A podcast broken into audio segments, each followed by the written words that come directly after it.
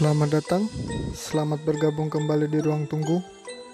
Malam ini kita akan membahas tentang misteri gangguan gaib dan hilangnya jejak nenek. Bersama rekan-rekan saya, Rian, Yudi, Fauzan, dan Fikram. Dalam segmen Kismis, kisah misteri semalam. Seperti apa keseruannya? Langsung saja kita dengarkan.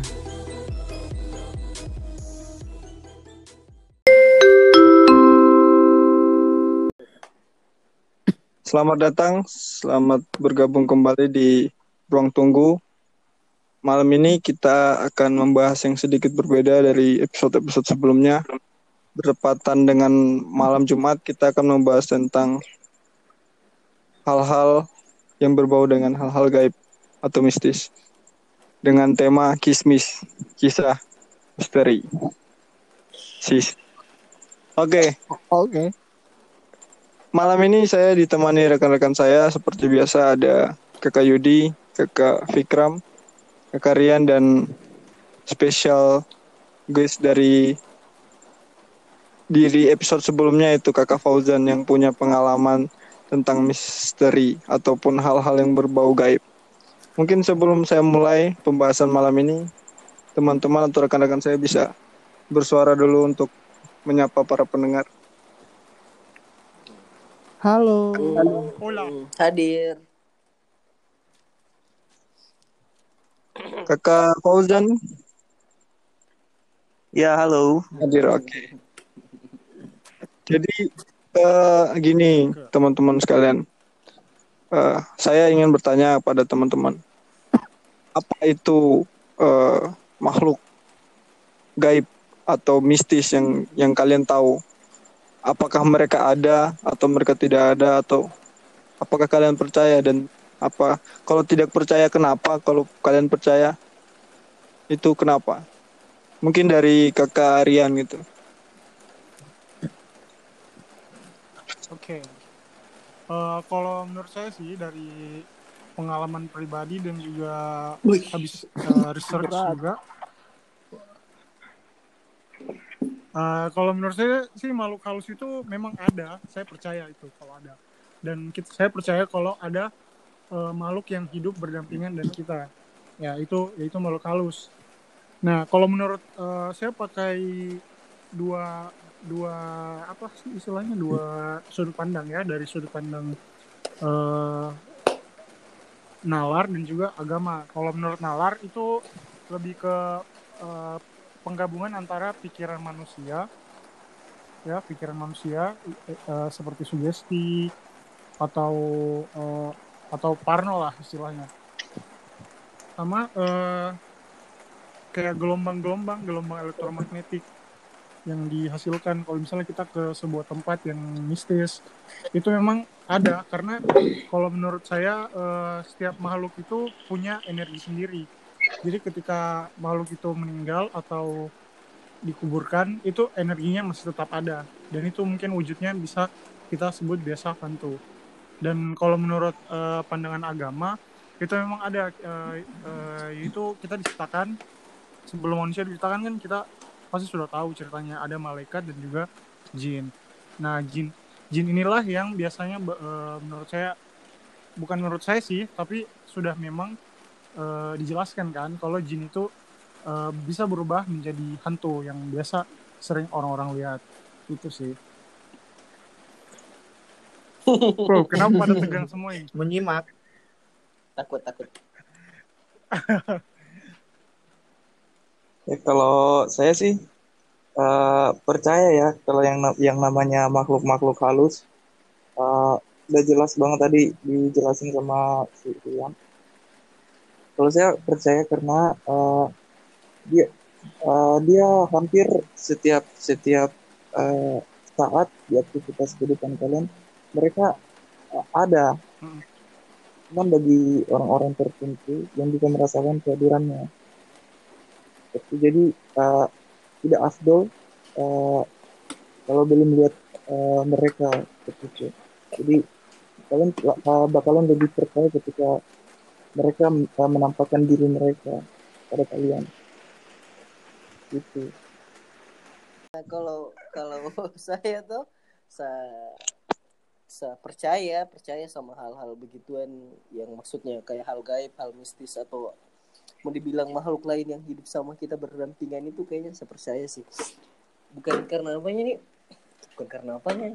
Kayak saya pernah juga rasakan sendiri, pernah pernah bukan dibilang kontak juga bukan kayak apa di kayak pernah iya nih kontak-kontak pernah dengan begituan terus kalau sambung dari kata-katanya kayak Rian tadi yang bilang dari nalar segala macam itu kalau menurutku ya bisa juga.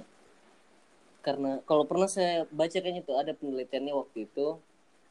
Kalau eh, pernah diteliti tuh ada yang meneliti pas ada enam orang mau meninggal dicek apa dicek timbangan beratnya tuh. Sama setelah dia meninggal berapa beratnya itu rata-rata yang sebelum meninggal sama setelah meninggalnya itu dia kurang 21 gram begitu jadi kayak disimpulkan berat roh itu ada Hmm. rohnya beratnya sekitar 21 gram begitu jadi kayak waktu Hmm. sudah Oh. meninggal dia kurang 21 gram tipis nih kecil gitu itu mungkin Berarti memang sudah ada penelitiannya juga secara logis ya, Iya. secara ilmiah. iya iya ya sesuai Iya, secara ilmiah. Nah, itu seperti yang saya sebut tadi kan. eh, ada energi. masanya Kalau hmm, kalau kakak Fikram sendiri tanggapannya seperti apa? Kayak dengan percaya dan tidak percayanya. Kalau percaya sih percaya.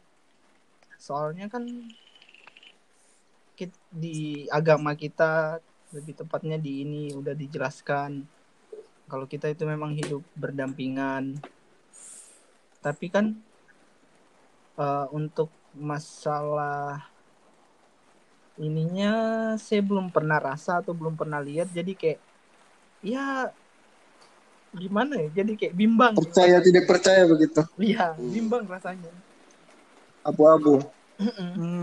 Makanya kayak saya penasaran sama teman-teman yang pernah merasakan atau pernah melihat begitu. Hmm. Kalau pernah merasakan mungkin orang-orang biasa merasa kayak diper- diikuti atau diperhatikan di satu sisi, Hmm. tapi untuk orang yang pernah melihat secara langsung gitu, yang Ah. pernah mungkin ya paling dasarnya itu pernah melihat lah. Kalau yang expertnya mungkin yang sudah komunikasi atau bagaimana itu hebat sekali. Hmm. Tapi kalau menurutku sih eh, yang tidak pernah eh, melihat ya secara langsung, secara jelas ataupun samar, saya masih belum begitu apa ya maksudnya belum begitu percaya. Artinya saya masih abu-abu karena eh, mereka itu kan hal yang gaib ya, hal yang gaib. Walaupun di agama juga sudah mengatakan gaib itu ada, tapi selama dia masih belum menampakkan diri dan belum bisa berinteraksi sama saya, saya masih belum begitu percaya, belum begitu yakin lah. Percaya sih mungkin ada, tapi belum begitu yakin. Karena butuh butuh bukti gitu, butuh bukti bahwa mereka itu benar-benar ada. Dan rasa-rasanya sebagai manusia yang berakal kita pasti mengedepankan akal dulu lah. Hmm, hmm. baru percaya bahwa itu ada. Dan tapi hal-hal seperti itu tuh eh, banyak terjadi di sekitar atau di sekeliling. Kayak kalian pernah tidak me- mendengar suara-suara di malam Hmm. hari terus dan merasakan hawa-hawa dingin hawa-hawa hawa-hawa panas ataupun hawa-hawa tidak enak di sekitar kalian atau tidak hal-hal hal-hal yang yang mungkin kalian rasakan atau alami sendiri cerita yang kalian pernah alami Hmm. selama bertemu dengan mereka atau merasakan hal-hal di dekat mereka Hmm, hmm, hmm. mungkin kakak Fauzan bisa berbagi kalau tentang pengalaman-pengalaman yang yang se- yang saya rasakan sendiri eh, sebenarnya eh, saya rasa itu dari dari aktivitas kehidupan saya sehari-hari Eh, pada saat-saat tertentu mereka muncul dan saya saya bisa merasakan kehadiran mereka gitu. Saya kasih contoh kecil umpamanya saya lagi di kampus Eh, kalau di kampus ketika saya mau ke toilet pasti berasa itu kebetulan saya juga punya teman uh, saya sampaikan di dia dia dia juga uh, kebetulan bisa buat seperti itu kemudian pas saya lagi di toilet itu saya, saya kok wah ini kenapa rasanya aneh kan? Hmm. pas sampai di kelas saya ceritalah sama Hmm. temanku itu teman sebangku saya saya bilang eh, Smi wah, ini ini di WC tadi kok aneh ya ada apa ya pas pas dia bilang dia ke sana pas dia bilang ternyata di situ ada kunci saya ulangnya pas sampai di kelas. Hmm.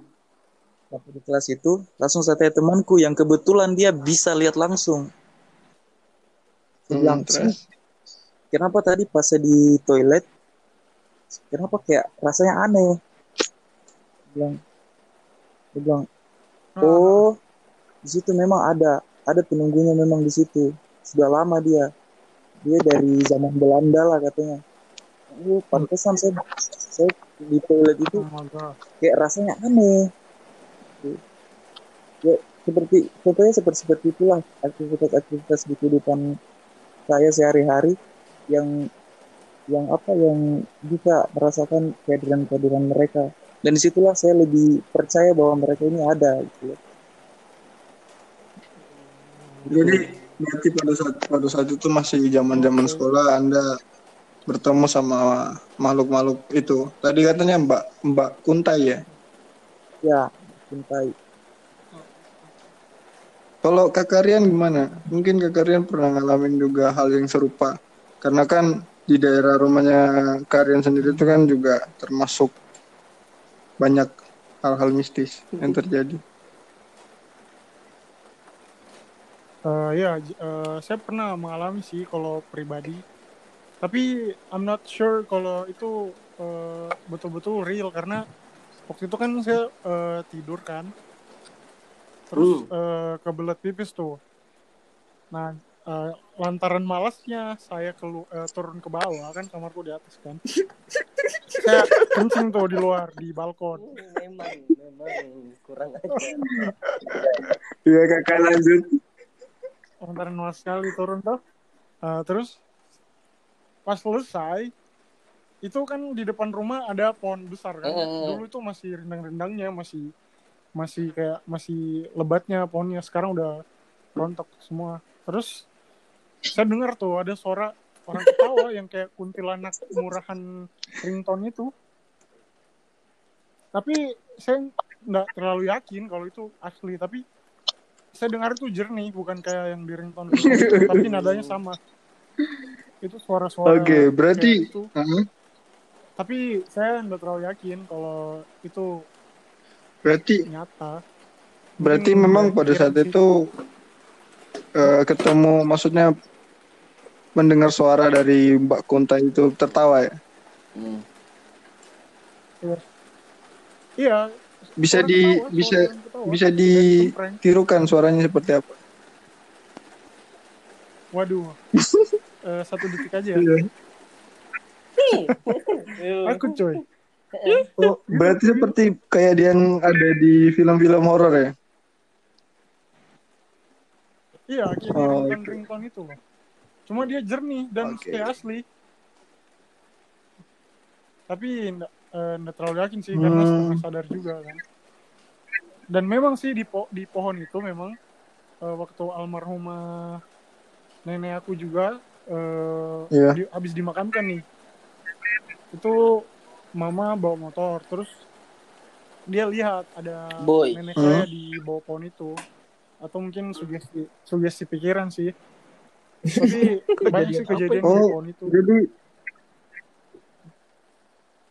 Jadi eh, yang saya tangkap memang mistis ya, pasti paling mistis. ya. Tapi eh, saya yang saya tahu ya, yang saya tahu ketika orang meninggal arwahnya itu tidak langsung naik, Hmm. yang artinya dia masih menetap di bumi selama 40 Hmm. hari dan akan mengelilingi 40 hari ke kiri, 40 hari ke kanan, 40 hari ke depan dan ke belakang rumah yang dia tinggali. Mungkin itu bisa saja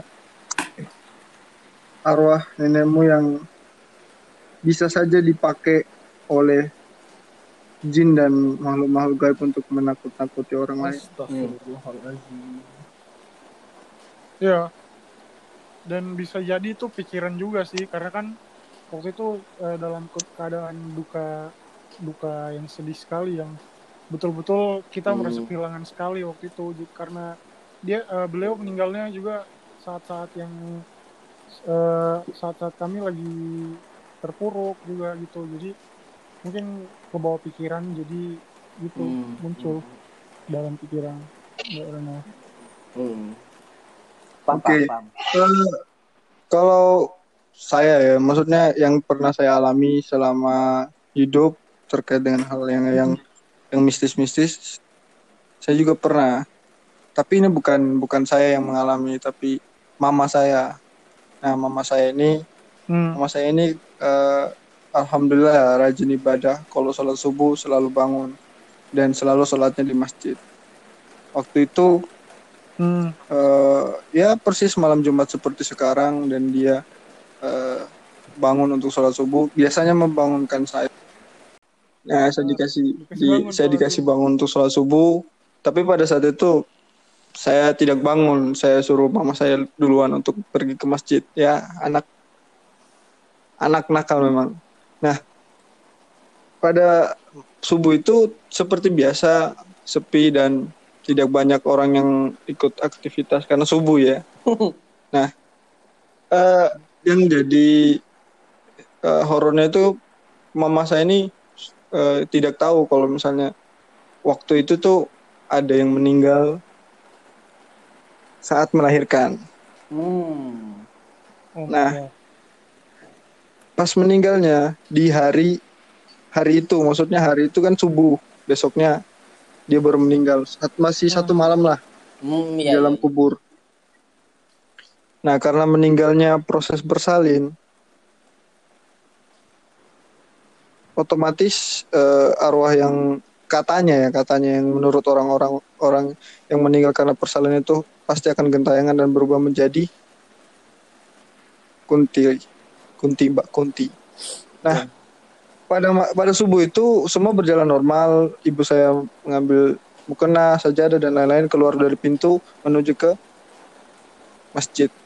Tapi di tengah-tengah jalan dia dilintasi oleh Mbak Kunti yang melayang sejauh apa ya setinggi berapa meter? 3 4 5 meter di atas kepalanya. Dan Wush. melintasi mama saya itu sambil menggendong bayi. Aduh. Dan dengan tertawanya yang lengking dia melewati ibu saya dan pada saat ibu saya ibu apa mama saya itu tidak bisa bergerak sama sekali. Diam stagnan di situ aja tidak bisa bergerak tidak bisa ngapa-ngapain dan langsung tidak jadi sholat. Langsung balik ke rumah dan tidak jadi sholat setelah itu eh, setelah setelah Mas, ya. beberapa hari dari kejadian itu ya mama saya sakit gitu mama saya sakit sakit eh, imunnya turun sakit dan itu memang Kaget. dan akhirnya pada akhirnya mama saya tidak lagi sholat subuh di masjid Hmm. Trauma. karena kejadian hal itu itu kaget itu. dan itu bukan kejadian yang pertama kali dan sudah sering sudah sering eh, ada ibu yang melahirkan dan kejadian itu berulang kali beberapa tahun lah di kompleks saya itu dan sialnya malam itu mama saya yang kena Oh. Hmm, jadi itu cerita eh, yang sama dari berbagai berbagai Iya. orang gitu. Tapi ada juga versi yang lain dari mama saya itu ketika dia dikirimi oleh orang lain itu ilmu hitam. Uh. Jadi yang datang itu tinggi besar, hitam dan eh, berbulu. Pada malam itu saya sama mama saya itu cuma berdua atau Wow, bertiga. berbulu. Saya, adik saya sama mama saya. Pokoknya kami tidurnya pisah-pisah kamar. Hmm. Nah, pada saat itu mama saya tidur sendiri dan mengunci kamar. Hmm. Tiba lama, ibu, mama saya itu teriak, Wih. Tolong, tolong saya, saya mau mati. Sudah mulai merinding ya. Jangan, jangan bunuh saya, jangan bunuh saya. Wih, Aduh, kaget. tolong mama. Di situ sontak saya waktu itu begadang kan, maksudnya tidak langsung tidur masih masih eh, memainkan ponsel saya. Dah, ketika saya mendengar suara mama saya dari kamarnya, saya langsung bergegas menuju ke kamar mama saya Hmm. dan ternyata kamarnya dikunci, Aduh. Kamarnya dikunci. Nah, di malam itu posisi panik, saya gedor-gedor pintu, "Ma, ma, ma, buka. Ma, buka. Kenapa? Kenapa?" Mama saya masih teriak-teriak, "Tolong ih, tolong. Jangan bunuh saya, jangan bunuh saya. Ada yang mau matikan saya, ada yang mau matikan saya." Saya panik dan mencoba untuk gedor pintu. Saya telepon bapak saya dan menghubungi orang-orang yang bisa bantu. Hmm. Nah, singkat cerita, saya gedor-gedor pintu ada wa- 15 menit dan ketika saya masuk, mama saya sudah mulai lemas dan posisi tangannya di leher, sedang memegang lehernya karena dicekik ya, posisi dicekik Waduh. dan ketindisan. Nah, pada saat itu saya panik, saya sudah mengeluarkan semua ilmu agama yang saya pelajari, tiga kul, ayat kursi dan lain-lain. Sudah saya keluarkan semua dan posisi waktu itu saya telepon bapak saya dan bapak saya suruh ambil gelas dan diisikan doa-doa dan lain-lain. Berlangsung selama tiga jam dan saya masih eh, berkutat sama kondisi mama saya yang yang, yang saat itu entah kerasukan atau bagaimana. Hmm. Anehnya setelah pagi paginya karena pada saat itu eh, adik saya mem- memelihara beberapa hewan peliharaan kelinci. Hmm. Kelinci kelincinya adik saya itu yang di pagi hari itu ditemukan mati dengan keadaan eh, perutnya semua keluar. Aduh. Isi perutnya semua keluar. Waduh. Ternyata usut usut punya usut si hantu yang mendatangi mama saya itu menginjak kelinci itu dan mengambil nyawa kelinci itu sebagai ganti dari nyawa ibu saya atau mama saya. Wih, Itu sih cerita yang pernah saya alami. Shit, man. Makasih ya. Kalau yang lain, kalau kakak Fikram gimana ceritanya? Mungkin kakak Fikram pernah mengalami hal-hal serupa atau yang lebih parah. Nah, eh, kalau saya makanya yang awal saya bilang kan sebelum bagai apa belum pernah melihat atau bagaimana tapi pernah kayak satu kejadian waktu saya kuliah tahun eh dua tahun lalu dua tahun lalu atau tahun lalu sama kuliah eh dua tahun lalu. Dua tahun lalu, dua dua. dua. Tahun lalu Iya. Kuliah di ruang kelas. Itu kan dia lantai tiga tempatnya. Lantai tiga saya belajarnya di lantai dua. Nih, teman-teman kebetulan kita kelas malam. Ada kelas malam itu hari kalau kelas malam itu dari jam 7 sampai jam 10 nah pas itu hari sudah mulai sudah mau jam 10 tapi karena dosennya masih banyak yang dia mau ajarkan dia minta perpanjangan waktu extra time. Dia minta extra time 30 menitan toh. Nah kita masih sementara menyimak eh, dosennya menjelaskan soal-soal. Tiba-tiba di lantai tiga itu kayak ada bunyi-bunyi meja ya, digeser ditarik kursi ditarik Nah, itu pertama kita kira eh eh, cleaning service dan membersihkan toh kan biasanya ada cleaning service yang rapi-rapikan kelas. Tapi itu sudah jam setengah sebelas. Biasanya cleaning service itu setengah setengah sepuluh atau jam sepuluhan lah. Kan orang biasa keluar duluan dia sudah merapikan.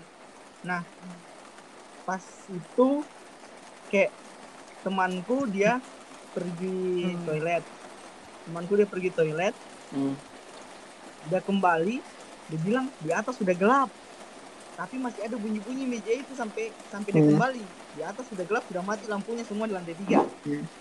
nah Hmm. kita penasaran ini kita pergi cek kita pergi cek kita naik kita buka ruang kelas pas yang di atasnya kita itu bunyi-bunyi sudah mati lampu dan sudah ada apa-apa itu kayak langsung cepat-cepat kita turun kita kasih tahu kalau di atas sudah kosong dosennya itu langsung bilang "Oke, kita selesaikan kelas malam ini. Tutup wassalamualaikum warahmatullahi wabarakatuh pulang. Nah hanya hanya satu kejadian itu yang pernah saya rasakan yang betul-betul saya lihat kayak saya dengar kalau ada bunyi-bunyi meja dan lain-lain tapi pas saya naik ke atas berdua sama temanku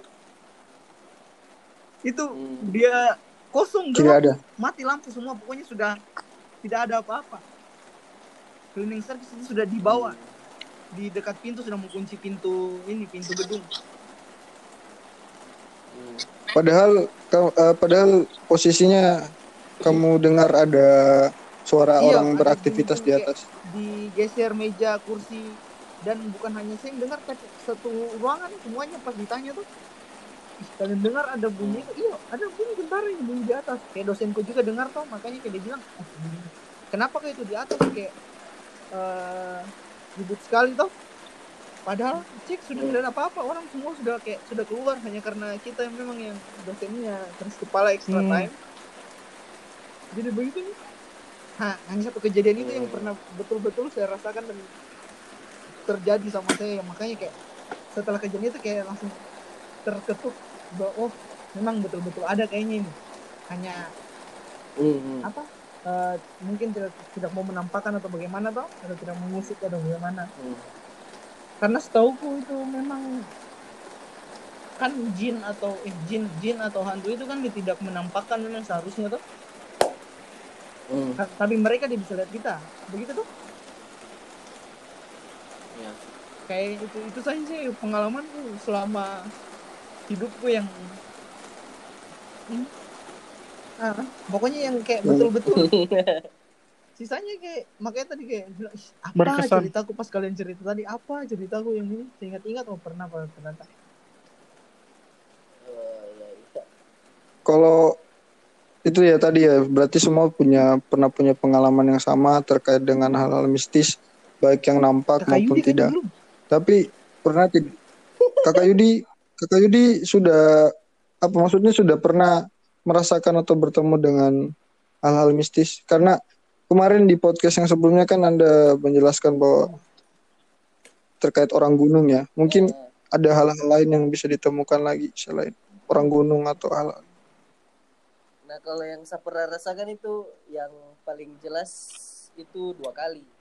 Nah, dua kali. Tapi ini mungkin ambil cerita saja yang satu saja ini. Bagaimana sudah malam dan saya sudah mulai takut juga kayak.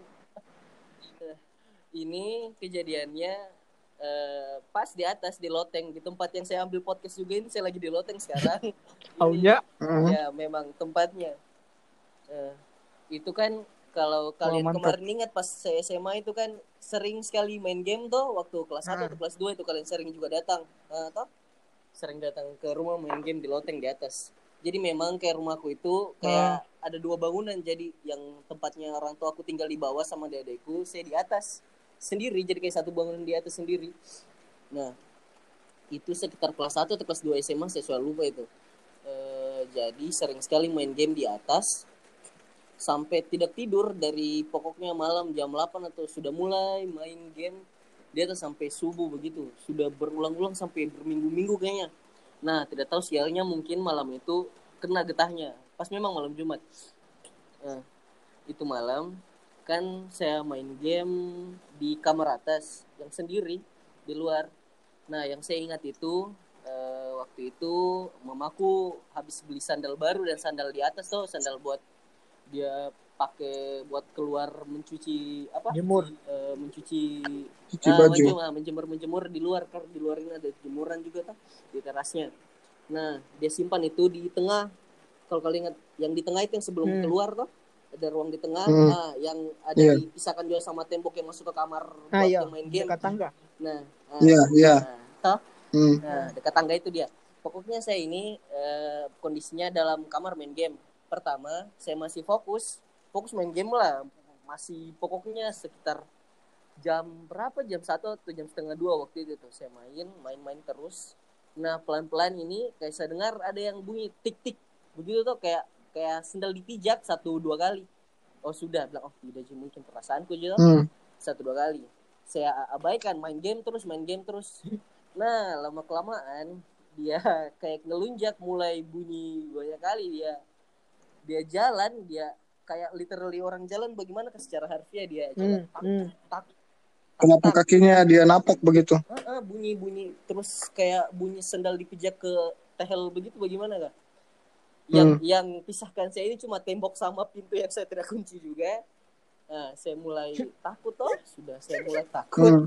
sudah saya matikan game. Saya eh, matikan PC matikan komputer.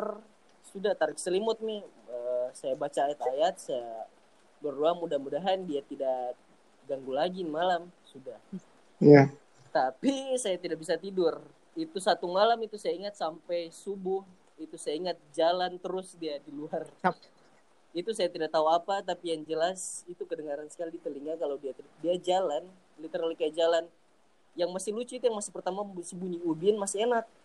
Nah itu dia jalannya ke ada yang bunyi ke tembok sampai ke atas apa namanya? Hmm. Eh, langit-langit.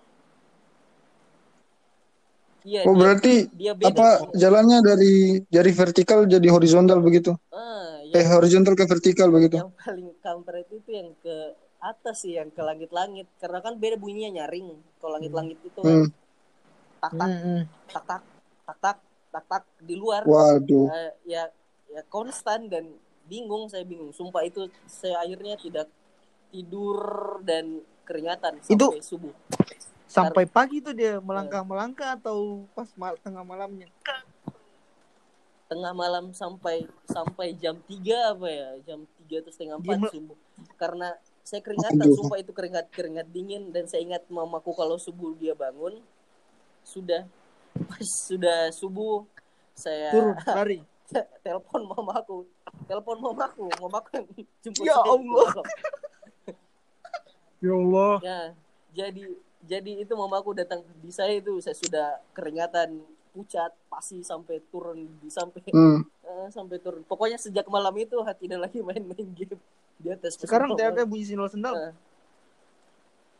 Alhamdulillah ini tanda Oh. sendal di atas ini komputer komputer juga komputer sudah dikasih di bawah Eh, ini tempatnya sama ya mudah-mudahan tidak ada lah mudah ini saya berani cerita gara-gara bulan puasa tuh coba kalau tidak saya dibawa dari tadi Berarti berarti ini ya gangguan ya. Ma- maaf saya potong berat sama kayak kakak Dandi juga kakak Fikram mengalami gangguan yang sama dengan intensitas yang tinggi.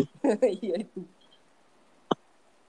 Bagaimana menurutnya kakak Fauzan ya sudah semua sudah punya pengalaman yang sama tentang eh, ini apa bertemu atau merasakan hal-hal yang gaib. Kalau kakak Fauzan sendiri, maksudnya melihat fenomena yang kita rasakan ini dari sudut pandang seorang anak indigo yang dulunya ya pernah jadi anak indigo. Ah, jadi dari cerita-cerita kalian tadi, ah, yang yang yang apa yang coba saya tangkap gini, ah, ada ada ada namanya sebab sama akibat. Hmm. Ah, pas saya yakin mereka muncul, memang wajar mereka muncul, lumrah, itu mereka muncul. Kaitannya dengan sebab akibat, pasti ada sesuatu ah, yang tanda kutip menjadi masalah di kehidupan kalian yang mengharuskan mereka harus muncul dan ah, dan jelas terjadi di kehidupan kalian pasti sesuatu dan itu mungkin kalian tidak tahu tanpa kalian sadari mereka muncul Kayak Eh. gitu. Oh berarti berarti memang eh, ada sebab akibat terus ada juga hal-hal yang bisa mengundang dan juga ada ada apa namanya eh, bisa saja mereka sudah ada di situ sebelum kita datang atau bagaimananya Iya. Eh, seperti itu mungkin ya Mas Fauzan ya? ya kurang kurang kurang lebih seperti itu Eh, eh, kebanyakan tadi yang kalian cerita dari sisi negatifnya mereka dari apa Hmm. pokoknya dari dari hal-hal yang hal-hal yang mengganggu begitu yang mengganggu Kemunculannya. cuman saya punya cerita justru mereka sebagai penyelamat di waktu-waktu tertentu Oh bisa begitu? iya Iya. Bisa lah. jadi ada jadi yang positif Pak. iya jadi saya ceritakan ya jadi begini Hmm, gimana Nah, pokoknya pada tahun 2000 2000 berapa kemarin? Ah, 2013-an lah, 2012 2013. Ada di di lingkungan kelurahan saya itu lagi kekurangan air kan. Lagi masa-masa apa? keringan lah, kemarau kemarau musim kemarau jadi jadi kurang air. Jadi di kelurahanku itu kalau lagi butuh air mereka harus pergi ambil di anu air di kali. Jadi ceritanya jadi ini kejadiannya dialami eh, oleh nenek saya sama eh, adik sepupu saya. Jadi eh, ketika mereka eh, mereka lagi ke kali sama-sama sekeluarga semua kami kami eh, pergi sama-sama rombongan pagi. Jadi rencananya tuh per- perginya pagi pulangnya sore kali ini ambil air. Sudah mencuci apa semua kan? Semua eh, cuci pakaian cuci apa semua ke kali jadi sore pas sudah waktu sore kita pulang. Cuman nenek saya ini eh, kan lagi mencuci dia lagi cuci baju banyak.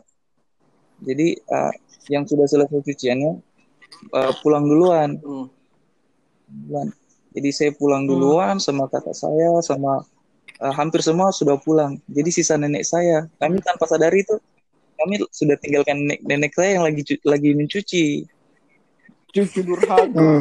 Dur- durhaka. Berarti durhaka. berarti nenek nenekmu nenekmu ketinggalan di belakang dan kalian sudah beranjak Iya, pulang. tanpa kita sadari itu kita sudah ninggalin nenek saya. Pas di pertengahan jalan kami kan sadar. Jadi kami utuslah satu orang Iya. temani nenek saya yang lagi mencuci, lagi mencuci dia. Ada adik saya, adik sepupu, bilang begini, Hei, kau pergi dulu turun turun lagi ke bawah, temani nenek lagi lagi mencuci dia supaya kau angkat supaya bawa pulang. Dia bilang, kau masih ingat jalan pulang kan? Nenek juga masih ingat, hafal mati mereka karena sudah sering kan ke sana. Hmm. Pas sudah Terus pas terus sudah sampai kan kami sampai di rumah masih di rumah itu pukul maghrib sudah maghrib maghriban lah Hmm. kami eh, apa eh, taunya pasti kalau sudah maghrib ini pasti eh, nenekku sama yang adik adik sepupuku yang anu tadi yang kami utus harusnya mereka juga sudah pulang sudah pulang juga Hmm. Hmm. di maghrib ini kenapa ini nenek nenekku sama adikku ini belum belum ada balik padahal sudah sudah selesai azan maghrib Wih. baru baru foto Hmm. eh, tahu sendiri kali kali itu kan hutan lebat kan Hmm. hutan Hmm. wah bahaya ini langsung akhirnya kami eh, satu kelurahan itu eh, berembuk Dia bilang kenapa ini nenek sama adikku belum eh, adik sepupu belum balik ini belum pulang Hmm. padahal itu kalau mau dibilang mereka sudah puluhan kali lah ke kali itu untuk ambil air sama gitu begitu bilang ya sudah. Hmm. akhirnya eh, eh, tetangga-tetangga semua pada ngumpul di rumah Pak RT kalau saya tidak salah ingat kemarin. Pada ngumpul semua eh, bawa ini eh, ambil kaca. Jadi kita jadi rencananya kemarin eh, ambil kaca kemudian digantungin ini eh nggak tahu apa saya tidak tahu manfaatnya apa. Cuman dibilang ambil kaca baru digantungin pakai bawang putih. Hmm. baru kami turun. Jadi dibagi-bagi per regu. Jadi saya ikut regu-regu ini regu kakak saya. Kakak om om paman paman. Kakak Oh iya. paman-paman saya. Saya ikut itu. Sudah turunlah kami ke ke ke kali lagi tadi. Kita turun turun turun. Wah pertama pertama kita lihat kan eh, masih ingat jalurnya masih ingat jalur ke ke, ke kali itu kan Hmm. pas lama-lama iya, iya. Kenapa justru kami yang tersesat ini? Justru kami yang tersesat. Kita tidak sam kita tidak dapat mi Kali. anunya kalinya. Iyo, Hmm. tersesat, tersesat baru.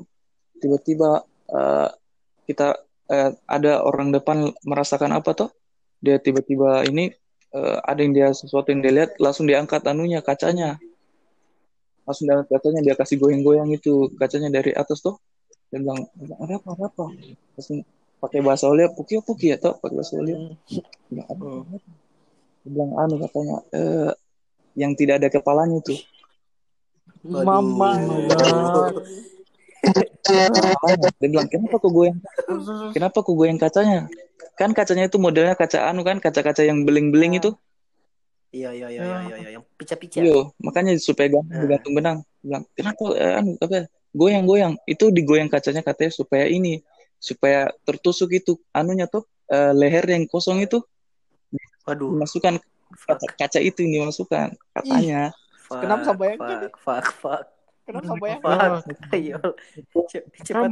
Berarti berarti kepala yang yang terbang itu sejenis kuyang ya, sejenis kuyang. saya saya itu tahun berapa 2012 saya juga enggak pula agak takut juga saya mulai cerita ini Terus mana selesai? Bangsat. Berarti Tiba-tiba. tapi pada akhirnya nenek nenek nenekmu ke apa? Ketemu atau Nah. gimana? itu bagian diakhirkan Iya, Lanjut, gimana? ya. Lanjut nih. pas sudah sampai ini ah, saya ikut lagi paman sampailah kita ada ketemu ini ketemu rumah-rumah kebun itu Iya. ada ada ada bapak-bapak kan di rumah kebunnya lagi jaga dia gelap gelap sekali nah bapak bapak ini lagi Hmm. pakai ini sarung kan Heeh. ya, pas-pas juga itu bapak lagi di luar Heeh. bapak lagi pakai sarung baru bertelanjang dada kan? Tidak penting nih cerita. Langsung tanya saya bilang "Eh, pak eh, pakai bahasa olio ini. Pakai bahasa olio dia bilang pak tadi kita lihat nenek sama anak kecil angkat angkat pakaian lewat sini. Dia bilang eh dia bilang ih tidak. Pakai bahasa olio itu? Nah, terus langsung dia bilang nih lah terus kenapa bapak? Itu itu lagi di jalan itu kan eh, sudah katakanlah sudah pukul sudah larut malam itu karena jauh perjalanan Nah, Wih, terus bapak bikin apa jam begini tuh lagi di luar? Kata katanya, saya, mau pergi buang air ini.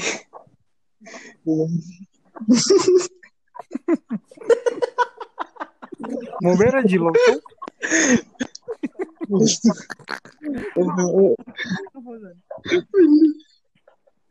Eh, terus terus langsung, dia bilang, oh, oh iya pak, akhirnya ke, hutan belantara yang tidak terlihat. langsung ah, ah, pas sudah lama-lama, ya, kami sudah tidak tahu di mana itu karena kita cuma andalkan senter itu. Ada kita ketemu celana. Hmm. Ya saya bilang, oh ini celana di anu di jalan. Bilang, wih, apa ini celana celana?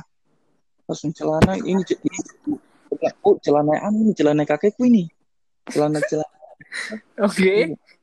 Berarti di depan lagi, mas. Terus. depan lagi.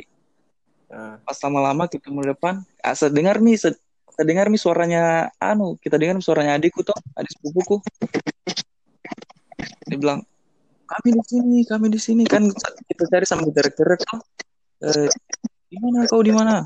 Langsung mereka teriak, Hmm. kami di sini. Ya sudah. Eh, pas kita ikuti sumber suaranya, kita lagi gini. Ternyata kita sudah ketemu nenekku sama adekku, mereka lagi baring. Aduh, kenapa pak? Sementara baring, posisi baring baring bersebelahan. baring eh, sambil berpelukan karena takut kan. Eh, nenek peluk adekku itu yang kecil, Hmm? takut mereka, takut mereka berdua. Pas kita datang, ternyata mereka berbaring di mana? Di batu nisan. Ih, wih, sabar. Aduh, wow, fuck. Wih, sabar, sabar. Bayangkan Sebenarnya pas kita pas kita pas kita ini kan pas kita center itu yang di sekeliling kan ternyata Hmm. ternyata ini wah di sini ada makam lama di sini ada kuburan lama kuburan lama baru nenekku sama adikku ini dia baring di batu nisan yang besar sendiri Aduh. pas kita Hmm. buka lagi eh dari mana ini makam karena enggak pernah orang lihat tuh Hmm. pas Iya, dilihat iya. lagi ih kenapa ini ada jalan ad- kayak ada rumput yang ter ini yang ter apa yang ter Yang terinjak terinjak. terbuka sendiri Heeh. langsung, Heeh. langsung Iya. pas langsung kita kita lah anu, anu apa tunggu dulu saya gemeter juga pas itu pas "Ayo terus. sudah angkat nih nenekku sama adikku ini bawa pulang pas sudah kami sudah sampai di anu sampai di alhamdulillah sudah sampai dengan selamat di rumah Pak RT kasih minum eh, teh panas lah andalan tuh obat ini. Dengan rotinya. Obat segala penyakit. panas cerita-cerita sedikit. Eh, pas sudah balik itu ada mie kacanya. Kacanya kami itu ada mie penuh darah. Pas sudah datang sudah datang kembali eh, anunya penuh darah. Akhirnya kacanya kita kubur. Habis itu eh, apa lagi? Dia bilang langsung dia bilang pokoknya kalian percakapan perca kan saya dulu masih kecil jadi saya cuma dengar-dengar eh bisa apa orang-orang besar lagi cerita-cerita tuh di ruang tamunya itu pokoknya saya yang Hmm. saya tangkap katanya mereka ini dibukakan jalan sama sama anu sama penunggu di sana tuh dibukakan jalan sa- sampai mereka sampai di batu Hmm. nisan padahal ternyata tuh di samping itu kan ada jurang ada jurang Hmm. kalau kalau nenekku bayangkan mereka hanya pegang cucian baru tidak ada senter sama sekali di tengah hutan loh. Mereka Iya. bayangkan itu ketika siang eh, apa? Kan di, di bagian situ ada juga jurang-jurang kayak semacam eh, apa? Semacam bukit tuh yang jurang lah begitu. Bayangkan kalau mereka kalau mereka sampai di Iya, jurang. mending mereka sampai di batu nisan itu sambil bareng daripada mereka kita ketemukan di jurang Hmm. Oh, dengan kondisi yang mungkin beda dengan yang ada di Batu Nisan. oh. mereka eh udah bilang mi itu anu tuh kakek udah bilang mereka ini dibukakan jalan sampai di tempatnya ini ini penunggu di situ tuh dia bawa mereka di tempatnya artinya mereka berpikir ini loh tempatnya mereka tempat amannya mereka daripada mereka harus ke jurang mending dia tuh baru sampai Oh, mereka iya. sampai di batu nisannya tempatnya mereka gitu dan itu saya ingat tanaman Berarti- itu karena itu tuh melibatkan hampir satu kelurahan di di Badia Gempar berarti ya. Oh, jadi me- menarik ya. Maksudnya eh, ternyata ada juga makhluk yang yang menolong, ada juga makhluk yang mengganggu. Karena kan jin itu juga sama seperti manusia, seperti yang dibilang. Ada yang baik, ada juga yang jahat. Mungkin eh, terkait dengan hal-hal yang seperti itu, rasa-rasanya memang kita tidak pernah membayangkan kalau misalnya hal itu bisa terjadi dengan nalar yang kita punya. Apalagi tidak bisa kita bayangkan kalau seseorang hilang dan tiba-tiba ada kembali dan tiba-tiba ada, ada di batu nisan itu kan sangat tidak wajar begitu. Ya. Mungkin eh, karena waktunya kita sudah menunjukkan satu jam kita akan akhiri podcast malam ini cerita mistis kita tentang eh, segala macam hal yang kita pernah rasain. Terima kasih. Assalamualaikum warahmatullahi wabarakatuh. Waalaikumsalam. Terima kasih karena sudah mendengarkan podcast ini. Sampai jumpa bertemu kembali di ruang tunggu selanjutnya dan tetap stay di rumah.